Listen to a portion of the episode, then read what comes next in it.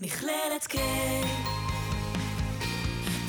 החינוך. שלום לכם, וברוכים המאזינים לפודקאסט של המכללה האקדמית לחינוך על שם קיי בבאר שבע. הפודקאסט שלנו יעסוק בפדגוגיות פורצות דרך בהכשרת מורים. נשוחח, נלמד ונאזין למומחים ואורחים שפיתחו תוכניות פדגוגיות ייחודיות חדשניות, המייצרות תהליכי הכשרה המותאמים לעולם המחר, לדור המורים והתלמידים החדש ולמגמות העתיד. נאחל לכם האזנה נעימה והתבוננות מחודשת על הזמן והמרחב בכיתה, בבית הספר ובעולם החינוך כולו. נצא לדרך. מכללת K, מכללה אקדמית לחינוך והוראה בדרום. ניסיון אקדמי כ-70 שנה. מכללת K, בשביל החינוך. שלום לכם, מאזינות ומאזינים יקרים, אנחנו מאוד שמחים ששבתם אלינו לפודקאסט שלנו בשביל החינוך במכללת K. לי קוראים דפנה גרנית גני, והיום אני שמחה ומתרגשת לארח את נורית כוכבי, ראש המרכז להורות ומשפחה במכללת K. ברוכה הבאה, נורית יקרה. ברוכה נמצאת, דפנה גרנית דגני.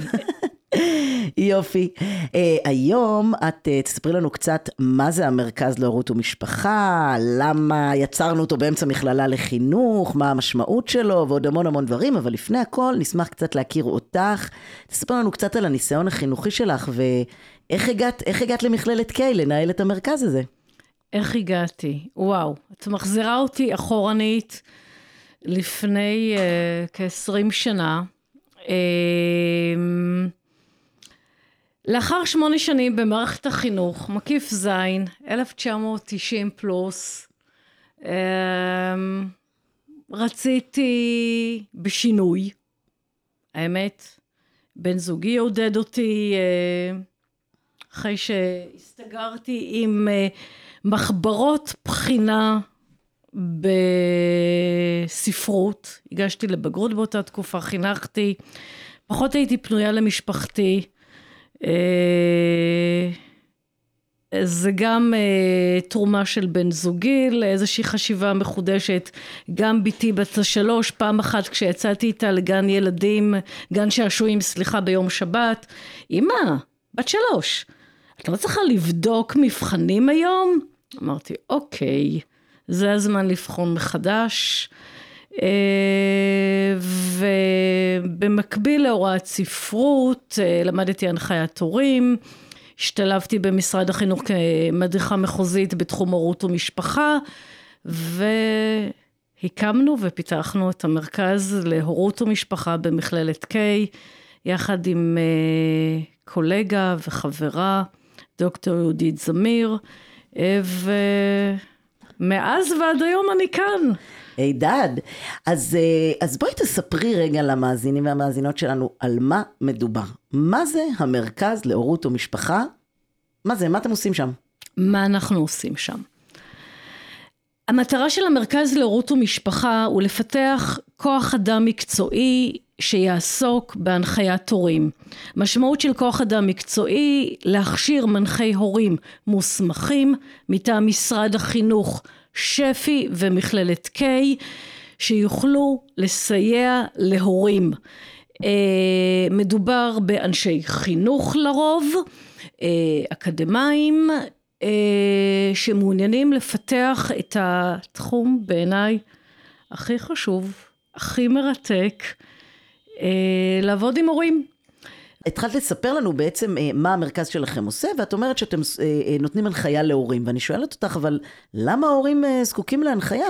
אז אני מקדימה רגע צעד אחד אחורנית, ואני חושבת שאנחנו כבני אדם זקוקים לפעמים ליד מכוונת, לעצה, להתבוננות עצמית, כך שבעיניי לפעמים כולנו זקוקים לאיזושהי הכוונה.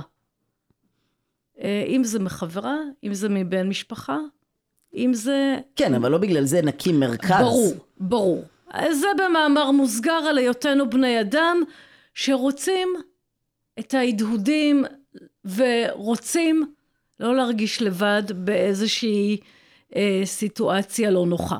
לפני שהילד מגיע, אה, הילד, התלמיד, מגיע לבית הספר, הוא אה, נולד, גדל, מתפתח בבית שלו. ו...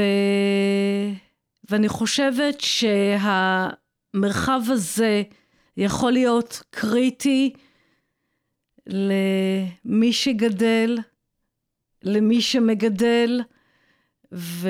ומכאן אה, חשיבותו המכרעת. זאת אומרת, אתם בעצם פונים לאנשי חינוך, אנשי טיפול, אנשי ייעוץ, בדרך כלל שהם באים מתחום החינוך, ואתם אומרים להם, בואו תהיו מנחי הורים.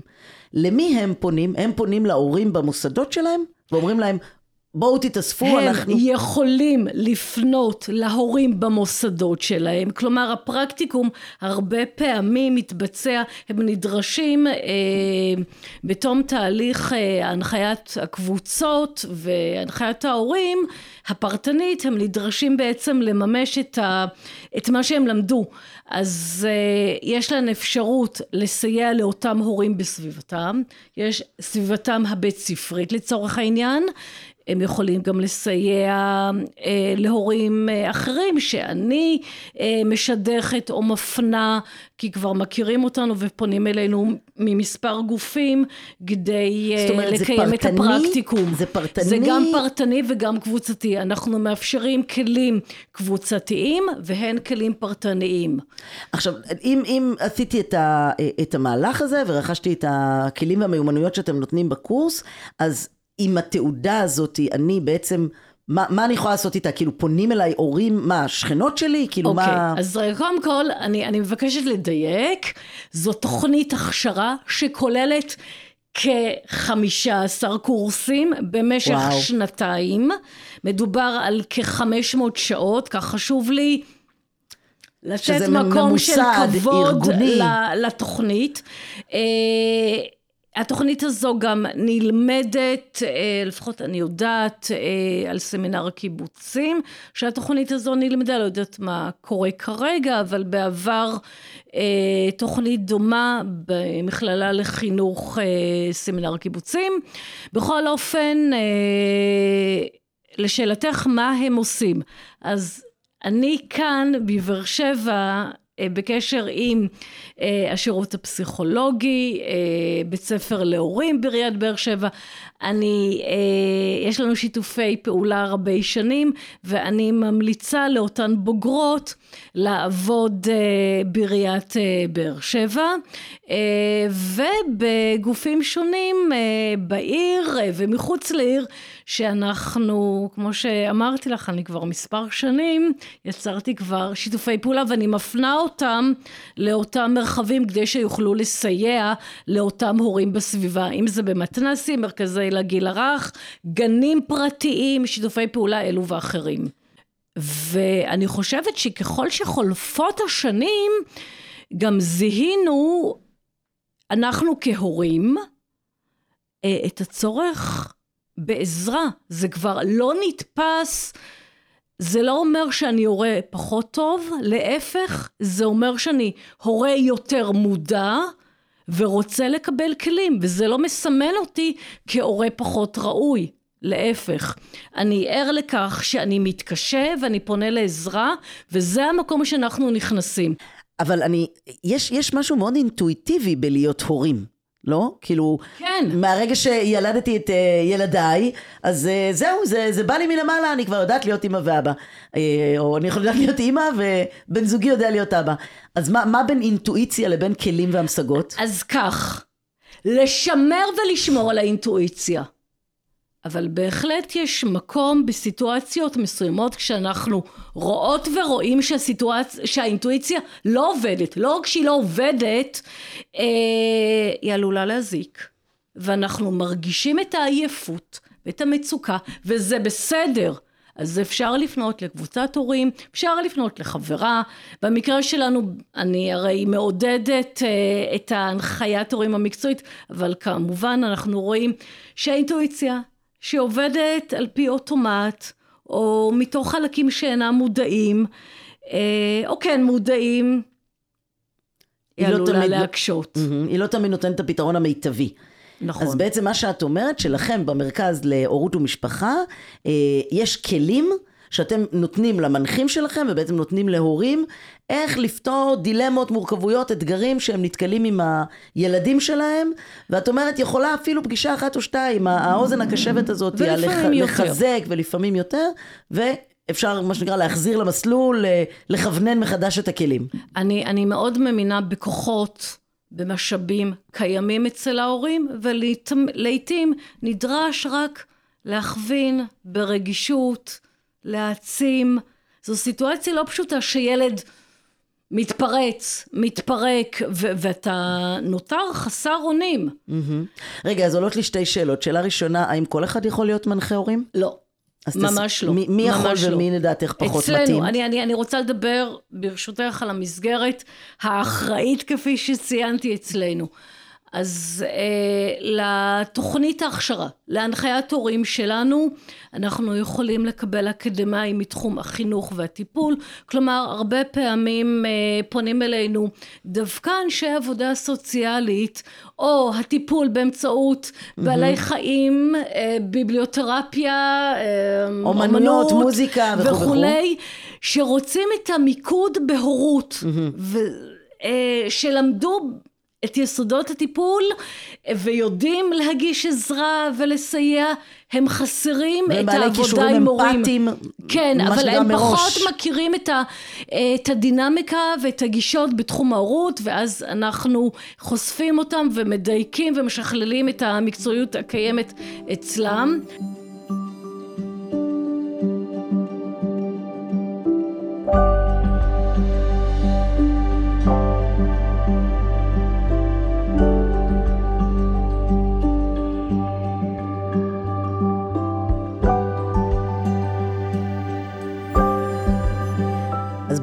השראה במאזינים שלנו, ותני לנו שלושה עקרונות אה, מתחום, מהתחום שלכם, של, מהתחום שלך של הורות ומשפחה, שלושה עקרונות שאת מרגישה שהם באמת התשתית, שהם הדבר המרכזי אה, שהיית רוצה אה, לשתף אותנו. הבת, חום ואהבה. איזשהו מרחב מכיל שאינו שיפוטי, מקבל, מעצים, מחזק. זו משפחה אחת של אה, מושגים ופרקטיקות. מושג נוסף שני לצד הבת חום ואהבה, מסגרת, הבניה, גבולות. מה שאנחנו קוראים הסמכות ההורית, המורית, מה כן, מה לא, מה מותר, מה אסור. לא להתבלבל, לא יותר מדי, אבל כן איזשהו מרחב מארגן שאתה מסוגל להתנהל בו בעולם. אלה בעצם בעיניי אה, תפקידנו כהורים, כאנשי חינוך. שלושתם. ואם אלו לא קורים, אופטימיות, לאסוף את עצמי ולהמשיך בדיוק היכן שהפסקתי. כלומר, שלושת המרכיבים מבחינתך להורות מיטיבה, זה הנושא של הבעת חום ואהבה, אה, שזה נשמע מאוד ברור, אבל בטח יש על זה עולמות שלמים של... של חוויות והמשגות. אה, הדבר הנוסף שאת מדברת איתם זה הנושא של מסגרת, הבניה, גבולות, סמכות הורית, איפה, איפה ומתי וכמה ו- ו- ולמה אני מביעה את אותה סמכות ואהבה ו- וחיבוקים. והדבר השלישי, שזה מאוד מאוד מעניין, את אומרת בעצם יש איזשהו באמת מרכיב אינהרנטי של סוג של אשמה. בתוך התהליך הזה, בתוך יחסי הכוחות המובנים האלה של הורה וילד, אימא וילדה, ובתוך הדבר הזה יש את המנגנון השלישי שנקרא סליחה עצמית, חמלה. או שמי, חמלה, אה, שמירה על אופטימיות, התקדמות, זאת אומרת לא משנה מה היה, נמש, נמשיך. אוקיי? זאת אומרת, זה לא משהו שהוא נגמר, זה לא מערכת יחסים שהיא אה, אה, תעצור או תפסיק, אלא נחדש אותה כל הזמן למרות אה, הבורות או האתגרים שנפלנו בדרך. הבנתי אותך? לגמרי. יש. אז, אז בעצם שלושת המושגים האלה הם מבחינתך ההזדמנות, או ה, אני לא יודעת איך לקרוא לזה, המרכיבים להורות מיטיבה, נכון? מרכיבי היסוד? כן, כן, כן. כן. אוקיי. ו, ואת אומרת שהמרכיבים האלה צריכים לקרות, או יכולים לקרות, או בעצם כאשר אני רוצה לטפל אה, ב, ב, ב, בסיטואציה, אני מתבוננת על הסיטואציה, האם נעדר, נעדרת בעין בה אחת, אחד משלושת המרכיבים האלה? זה הרבה יותר מורכב מזה. זה הרבה יותר, את פשוט ביקשת ממני, נורית, מה עם שלושת העקרונות, ולכן שטחתי אותם, אבל אה, אני מציעה לבחון סיטואציה לעומק, לעתים יש אלמנטים של סמכות, לעתים יש אלמנטים של הבעת אהבה והכלה, ולעתים גם יש אלמנטים שקשורים לתחושת אשם. בנוסף לכל אלו יש את העניין של האישיות והתנאים בה אתה פועל. בואי, יותר מורכב משלושה מושגים שמקודם הזכרתי, אבל אני, אם התבקשתי אה, להציג כאן ולפשט את הדינמיקה של יחסי הורים ילדים, בשורה אחת. זה שלושת המרכיבים האלה. אני חושבת, ושוב, נכנס, אפשר לפרוט כל מושג כזה, אה, לפרוט ולהעמיק ולבדוק אותו. המציאות היא מורכבת, המציאות האנושית, המציאות של הורות, של ילדים, אבל אלה בעצם אבני בסיס. אה, ולאחרונה אני בעצם חוקרת דווקא את המוקד הרגשי שמטפל אה, בוויסות רגשות, אז גם אותו הייתי רוצה להכניס, אבל משום ש... נראה לי הוא בתוך, אה, בתוך הבעת חום ואהבה, לא? אני מדברת על ויסות רגשות, בהחלט. אה, כן, אבל זה גם, זה גם קשור להבעת חום ואהבה. משום שאני מתייחסת לוויסות, אז זה עוד איזשהו אלמנט שקשור גם לקבלה, גם לחמלה. וגם בעצם ללגיטימציה להתפוצץ ולכעוס, כלומר גם זה קיים, ואז mm. במקום הזה אני ממש לא מביע אהבה, להפך, אני מביע הרבה פעמים דחייה ושאט נפש, וזה גם בסדר. ואחר כך יש לי תחושת אשמה, אז מה עשיתי בזה? בדיוק. אה, להיות יותר מודע. לא, לא, זה בדיוק זה. זה חלק מהמודעות, את אומרת. זה חלק מהמודעות והסלחנות. לגמרי. מעניין מאוד. תגידי, בשנתיים האחרונות אנחנו חווינו אה, בעולם כולו אה, מהלכים מאוד מאוד מורכבים בעקבות הקורונה, ואני בטוחה שיש לזה השפעה, את יודעת, גם לפני הקורונה כבר דיברנו על דור ה-Y ודור ה-Z ודור ה-X ודור האלפא, סליחה, שבהם באמת יש איזשהו שינוי. בעולם של הילדים, עם הכניסה של הטכנולוגיה ועם הכניסה של שעות עבודה של ההורים וכל הדברים האלה. אמ, ובטח הגיעה הקורונה והאיצה את כל המהלך. מה, מה תוכלי לשתף אותנו? תראי, אני פחות פוגשת ילדים, אני פ... יותר פוגשת את ההורים שלהם. מה שאני כן שמה לב, אה, את מבינה, אני רואה את ההתייחסות של ההורים. אני גם יכולה לדבר על עצמי כבת, ועל עצמי כהורה. אז אני, ההתבוננות שלי יותר קשורה להורות ולהורים. אבל את רואה הורים שמתמודדים עם צרכים אחרים של ילדים מאשר לפני עשור, עשור וחצי? בוודאי. אני מחזירה אותנו להיותנו ילדים. כשהורינו ביקשו מאיתנו משהו, לא עלה, אני אדבר על עצמי, לא יודעת מה איתכם. אני יודעת שכאשר אבי ביקש ממני לחזור בשבע בערב הביתה, או ב-12 בלילה, שנות ה-80, לא היה עולה בדעתי לא להקשיב, או להמרות את בקשתו, ואני אומרת להמרות, כי זה מה שהתאים את התקופה אז, ו... אם אני מסתכלת על אחותי הגדולה, אז בוודאי שהיא לא רצתה לעשות זאת. מה שאני מנסה לומר, שאנחנו רואים את היחס של הילדים שלנו אל ההורים שלנו בראי הזמן, בציר הזמן. אה, היום, הורה יבקש משהו מילדו, אה, וזה קשור לסמכות שנשחקה. Mm-hmm. אה, ייתכן מאוד שילדו לא יקשיב לו והוא יידרש לפרקטיקות אחרות, או למערכת למה? יחסים אחרת. למה בעצם לדעתך זה השתנה? למה זה קורה? אה, אני חושבת שאנחנו במין אה, תקופת מטולטלת, שעון המטולטלת, מההורה המבוגר, הסמכותי במרכז, אבא שלי, שאני לא אשכח, תנועת צופים. גיל עשר. אני בפעולה, אבי מחכה לי. מאחרת. רבע שעה. אני הייתי טרודה, לא הייתי קשובה לסרט בפעולה בצופים, כי הייתי טרודה שאני מאחרת. נורית, אבל את יודעת, מה, מה שמוזר זה שאת אומרת אבי המבוגר, אבל בעצם היום אנשים מתחתנים בגיל יותר מאוחר, מביאים ילדים בגיל יותר מאוחר, ובעצם הפער בין ההורים לילדים הוא יותר גדול מלפני שני עשורים או עשור וחצי. זאת אומרת, היום רוב האנשים מתחתנים סובב 30 פלוס, מביאים ילדים סובב 30 פלוס, והילדים נולדים, זאת אומרת, יש פער של 25-30 שנה, שהוא יותר גבוה, יותר גדול הפער הזה. אז, אז איך עדיין הסמכות ההורית כי- עבדה? כי אנחנו התפתחנו, כי הדינמיקה ההתפתחותית של התקופה שלנו, ולזה אני מתכוונת, אם בעבר ההורה, הכלים הם היו כלים של סמכות, של היענות לסמכות, של צנט... צייתנות, ענישה. אנחנו גם יודעים על אה, אלימות שהתרחשה בעבר.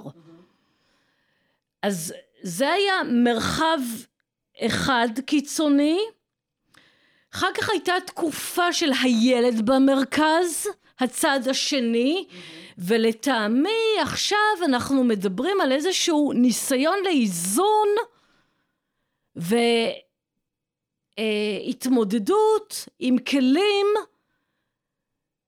שיענו גם על הצורך של ההורים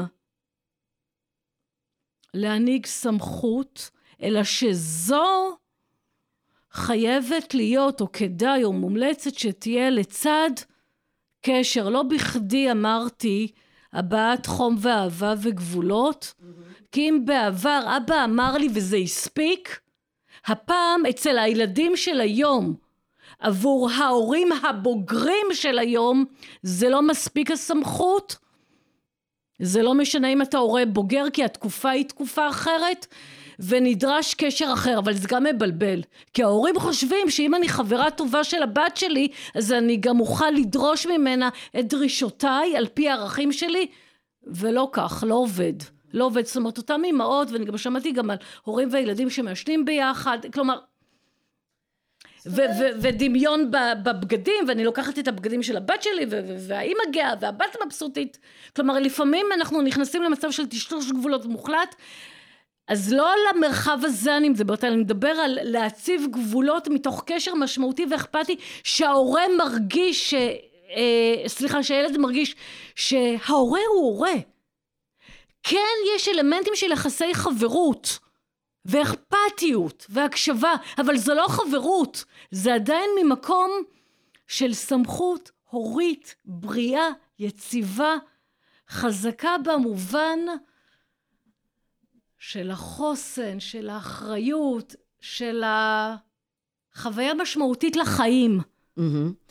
אוקיי, אז בואי נסכם רגע את הדברים שאמרת שהם מאוד מאוד מעניינים. את אומרת, היה לנו איזשהו גל אה, ש, שבו הסמכות ההורית הייתה מאוד מאוד מספיקה, צייתנות, משמעת, בהירות של התחום של הגבולות מאוד מאוד היה ברור.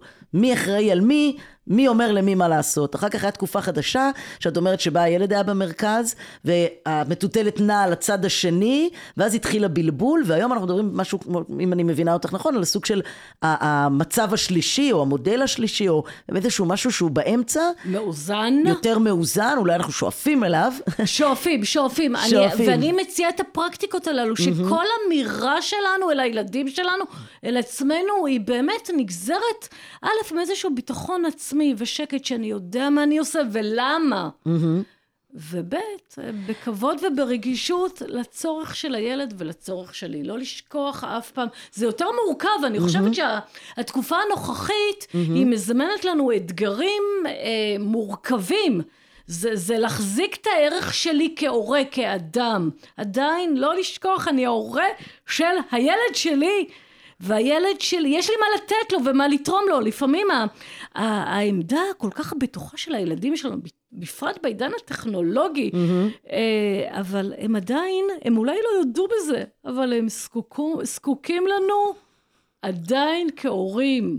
למרות הידע המרשים בטכנולוגיה ובמרחבים שאנחנו לפעמים מרגישים חסרי אונים או חוששים, עדיין יש לנו מקום. Mm-hmm. להפך, אני חושבת שהיום יותר מתמיד, ו- והקורונה רק חידדה את החשיבות ש- של הבית ושל היחסים, וללמוד לעשות את זה, או לנסות לעשות את זה טוב יותר, נכון יותר, מעצים יותר, בבית ובכל מקום. אז, אז בעצם בעקבות השינויים שחלו באופן כללי בעולם, אנחנו, את, את אומרת לי בעצם השינויים האלה כמובן הגיעו לזירה המשפחתית, והמהפך הזה שאנחנו הרבה פעמים אומרים אה, שקורה בכיתה, שאנחנו מתייעצים עם הילדים, רגע בוא תחבר לי את הברקו, בוא תתאים, בוא, בוא תוריד לי את האפליקציה, בוא תראה לי איך עשית את זה שהמורים בעצם מתייעצים עם הילדים, אז זאת אומרת במרחב הביתי זה כמובן הפך ו- ויצר בלבול וטשטוש של הגבולות, או טשטוש לא, של... לא, לא כזה חד משמעי, אני, אני אומרת שזה יכול ליצור בלבול, mm-hmm, ואם mm-hmm. אנחנו נתייחס לזה כערך מוסף, זאת אומרת, זה נפלא, השותפות הזאת, אני, אני תמיד אומרת את זה, אני, אני, לאחר שאני מלמדת, אז אני מגיעה הביתה, זה היה ביום חמישי האחרון, אני אמרתי לבן זוגי, וואו, והן באמת צעירות ממני, הסטודנטיות שלי, זאת אומרת, הן בהחלט... אה, אה, אה, בעלות ניסיון חיים, אבל בסופו של עניין הן סטודנטיות שלי.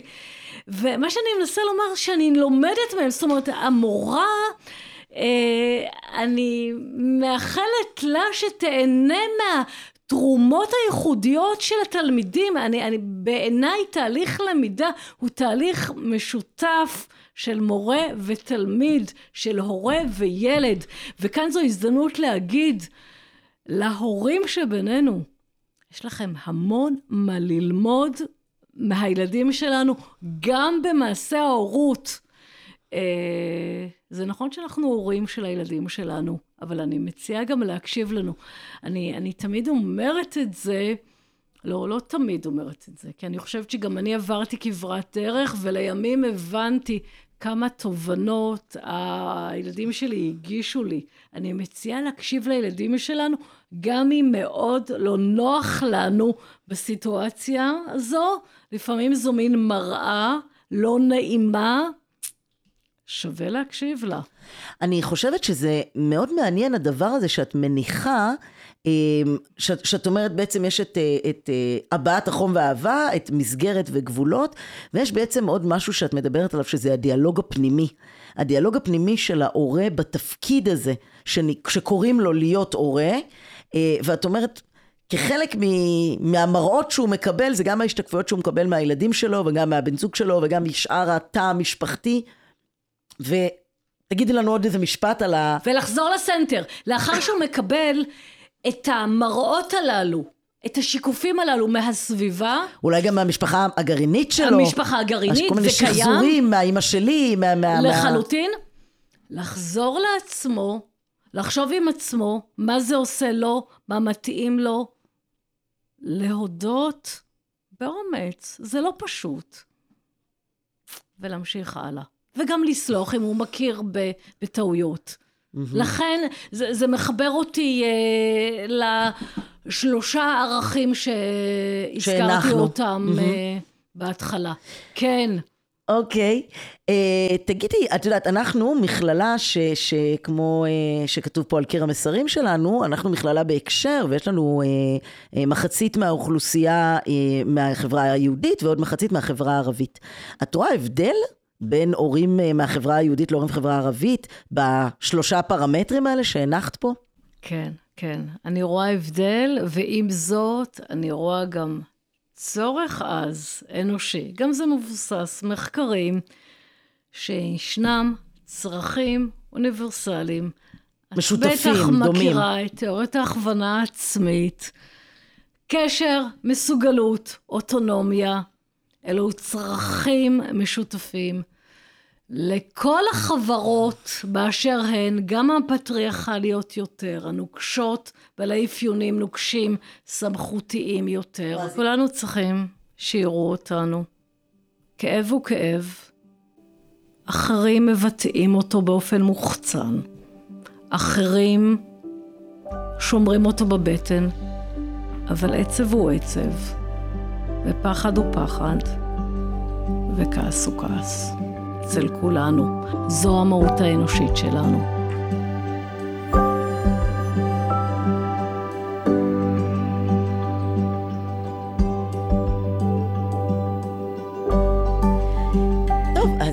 ועכשיו אנחנו עומדות לעשות משהו מאוד מעניין, שלא קרה לי בפודקאסטים אחרים, אבל אני אה, רוצה לנצל את ההזדמנות וליהנות מיכולותייך המרובות, אה, ובעצם אה, לספר לך סיפור בתור אימא, מקרה אמיתי שקורה לי כמעט כל שבוע. ונשמח מאוד מאוד אם תוכלי לייעץ לי כמנחת הורים מדופלמת, ואולי ככה גם נוכל להסביר למאזינות והמאזינים שלנו קצת מושגים מתוך העולם הזה שנקרא הנחיית uh, הורים ומשפחה.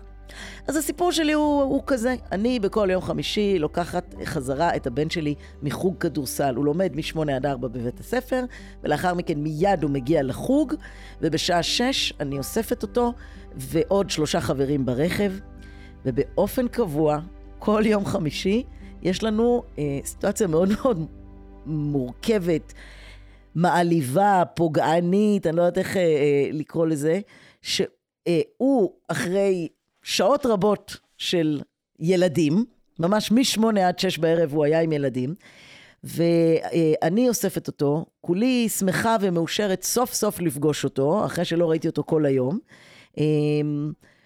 והוא נכנס לאוטו והוא תמיד עצבני.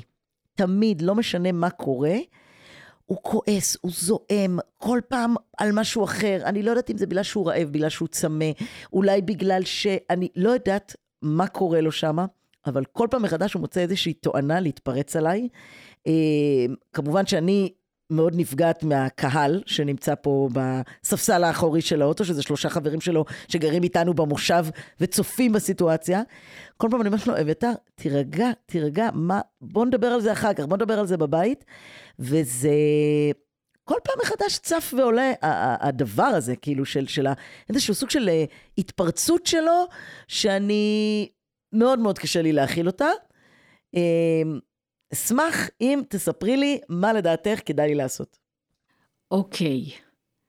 אני רוצה להציע לך שימוש במושג מוכר, אלה בעצם ראשי תיבות של המילה אפרת, אירוע, פירוש, רגש, תגובה. בעצם אני מציעה לך שימוש מוכר שעוסק בתפיסה הפרשנית שלנו אירועי חיים, ואני בעצם רוצה להציע לך נקודות מבט הן שלך כאימא והן של הבן שלך. בנוסף לכלי הפרשני הזה, אני גם רוצה להציע לך את העניין של ויסות רגשות. לבחון את הסיטואציה בהקשר לוויסות רגשות. אז לגבי אפרת, mm-hmm. נתחיל עם המושג הראשון, mm-hmm. אפרת, ואחר כך ניגש לעניין ויסות רגשות. לגבי אפרת, דפנה, הבן שלך, המציאות היא שהבן שלך חזר מחוג כדורסל. את מצפה, את כאימא של אביתר, שאני יודעת שזהו שמו. הפירוש שאת אה, מייחסת לסיטואציה, למפגש שלכם, איזה כיף. אה, כל היום לא ראיתי אותו. כל היום לא ראיתי אותו, סוף סוף אני רואה אותו, mm-hmm. הגיע שש בערב, אני רוצה שיהיה לנו נחמד וכיף. Mm-hmm. נכון. רגש, את אה, בעקבות הפרשנות הזו של הציפייה למפגש שעכשיו קורית, את נמלאת שמחה. ולכן את פונה אליו אה, במה שלומך חמוד. דרישת תשומת לב, אני רוצה שהוא יתייחס אליי, אני רוצה שהוא יעזוב את הפלאפון, אני רוצה שהוא בדיוק. ישמח לראותי כמו שאני שמחה לראותו. בדיוק. זאת הפרשנות שלך. אלא מה? הפרשנות שלך היא רחוקה שנות אור. מהפרשנות שלו? מהפרשנות שלו, מהצורך שלו, מהרגשות שלו, בזה הרגע. כלומר, יש מרחק, יש פער בין הצורך שלך כאימא של אביתר לתשומת לב מבנה החמוד, Mm-hmm. לבין הצורך של אביתר לשקט. Mm-hmm. לא נעים לי להגיד, הפרשנות של אביתר, ואני אתגבר, כי הייתי במקום הזה. את, הנהגת של אביתר ושל עוד שלושה חמודים מהמושב. זה כרגע התפקיד שלך. ובהתאם לכך, להתייחס, וממש לא להיעלב, להפך. את הצורך שלך למפגש מיטיב, נעים, אחרי האוכל, בבית. לפעמים אנחנו צריכים באמת להבין את הסיטואציה, לשחרר את ציפיותינו האימהיות. אני מתמודדת עם זה עם שלושה ילדים בוגרים, הם לא רוצים לבוא הביתה. זה לא פשוט בכלל. אבל יש גם יתרונות בכל סיטואציה. וגם בסיטואציה שלך. קחי לך את הזמן הזה לשקט שלך. כן, את נהגת, ותשמעי מוזיקה שאת אוהבת, או תחשבי מחשבות, או... ואחר כך תיפגשו במקום שיתאים לשניכם להיפגש. זה בעצם ויסות רגשות, כי, כי אני לא נלהבת, לא, אגב, לא נבהלת מהעלבון שאני חשה, אני פשוט נותנת לו להיכנס. דפנה, אני לא נבהלת ממנו, אבל, אבל איך הוא מדבר אליי, איך הוא מתנהג, אז אוקיי, כן, הוא, הוא מתנהג ככה, כי הוא רוצה שקט עכשיו, וזה לגיטימי לחלוטין. ו, וכשאת מאפשרת את הניתוח הזה, אה, את באמת מבינה את הסיטואציה, מפעילה את החלקים הקוגניטיביים, פחות את החלקים הרגשיים, ולכן את מבוסתת רגשית, וכבר לא נעלבת. זאת אומרת שוויסות רגשי זה בעצם לנסות לשלוט מהמקום של ה... אה, נקרא לזה של השכל ולא מהמקום של הרגש? זאת הכוונה ויסות במושג? ויסות רגשות זו איזושהי מיומנות שמאפשרת לך להתמודד עם הרגשות העולים ולנהל אותם mm-hmm. ולהבין מתי הם משרתים אותי ומתי הם לא משרתים אותי. ועל פי כך לנהוג. לצורך העניין, ברור לך שכאשר את פגועה, מאוכזבת והרגש גואה בך, סיטואציה שאת מגיבה בכעס, כי הרי גם אם אני, אוקיי, אני לא רואה לו שאני כועסת, אבל אה, אני אדבר איתך אחר כך, או בוא נדבר אחר כך, mm-hmm. גם אם זה מרגיש, מאוד... הוא מרגיש שאני, הוא מרגיש שגם נעלבתי וגם שאני כועסת, זה ברור. בדיוק. Mm-hmm. אז אה, זה לא מקדם אותך, לא משרת אותך, ולהימנע מזה. Mm-hmm. אוקיי. אז uh, תודה, מאוד מעניין. אני מקווה את... שעזרתי, ושוב לזכור את החמלה, מה שאמרתי בהתחלה, לא קורה, לא נורא, יום חדש מחר. Mm-hmm. אני uh, בהחלט אנסה את זה. אני אנסה גם לבוא מהמקום הפחות מצפה. Uh, למרות שזה לא קל לי, אני, בדרך כלל יש לי הרבה ציפיות מהילדים שלי. Uh, שחררי, למרות שגם בכל מקרה הם יבואו לפסיכולוג ויתלוננו את תלונותיהם. אמ, אז, אז גם יש לי כל מיני ציפיות מהילדים שלי, אבל גם את אומרת בעצם אה, פשוט אה, להכיל את המצב כמו שהוא. ו... לנשום, לנשום, ספור עוד עשר, אוקיי, ברוך הבא, מה שבא, ולהמשיך הלאה. אוקיי, טוב, אני אמשיך לחשוב uh, גם על uh, הבעת חום אהבה, מסגרת וגמולות, וכמובן uh, סליחה עצמית. Uh, ואנחנו ממש לקראת סיום, והייתי רוצה לשאול אותך אם יש, uh, uh, איך, איך אפשר להגיע אליכם? איך אפשר להגיע למרכז להורות למשפחה? תני לנו את זה ככה באיזה uh, בהירות כזאת. מרכז להורות ומשפחה uh, במכללת K, הפרטים שלנו מופיעים באתר. אמ, מכיוון שאני כבר שנים רבות, אז גם שמי והנייד שלי מופיעים באתר. אתם מוזמנים לפנות אליי בשמחה. אמ, אני מבטיחה לתת מענה. אני, אני רק שמחה לכל פנייה, באמת. ואתם הולכים לשנות את חייכם. אז אה, וואו. אני מזמינה לנצל את ההזדמנות הזאת. תענוג. תודה רבה רבה לך, נורית כוכבי היקרה, היה מרתק, ואפילו הרווחתי פה אה, טיפול על גלי האתר. סיוע, אז, אה, סיוע. סיוע. אז אה, אנחנו נאחל גם לכם, מאזינים יקרים, אה, שיהיה לכם אה, הורות מיטיבה, מעניינת, מוצלחת. אנחנו אה, נודה מאוד לחגי גלילי העורך שלנו ולמרכז אדם, אשר במכללת K, על ההקלטה באולפן. תודה וכל טוב. תודה רבה. מכללת K, בשביל החינוך. מכללת K, בשביל החינוך.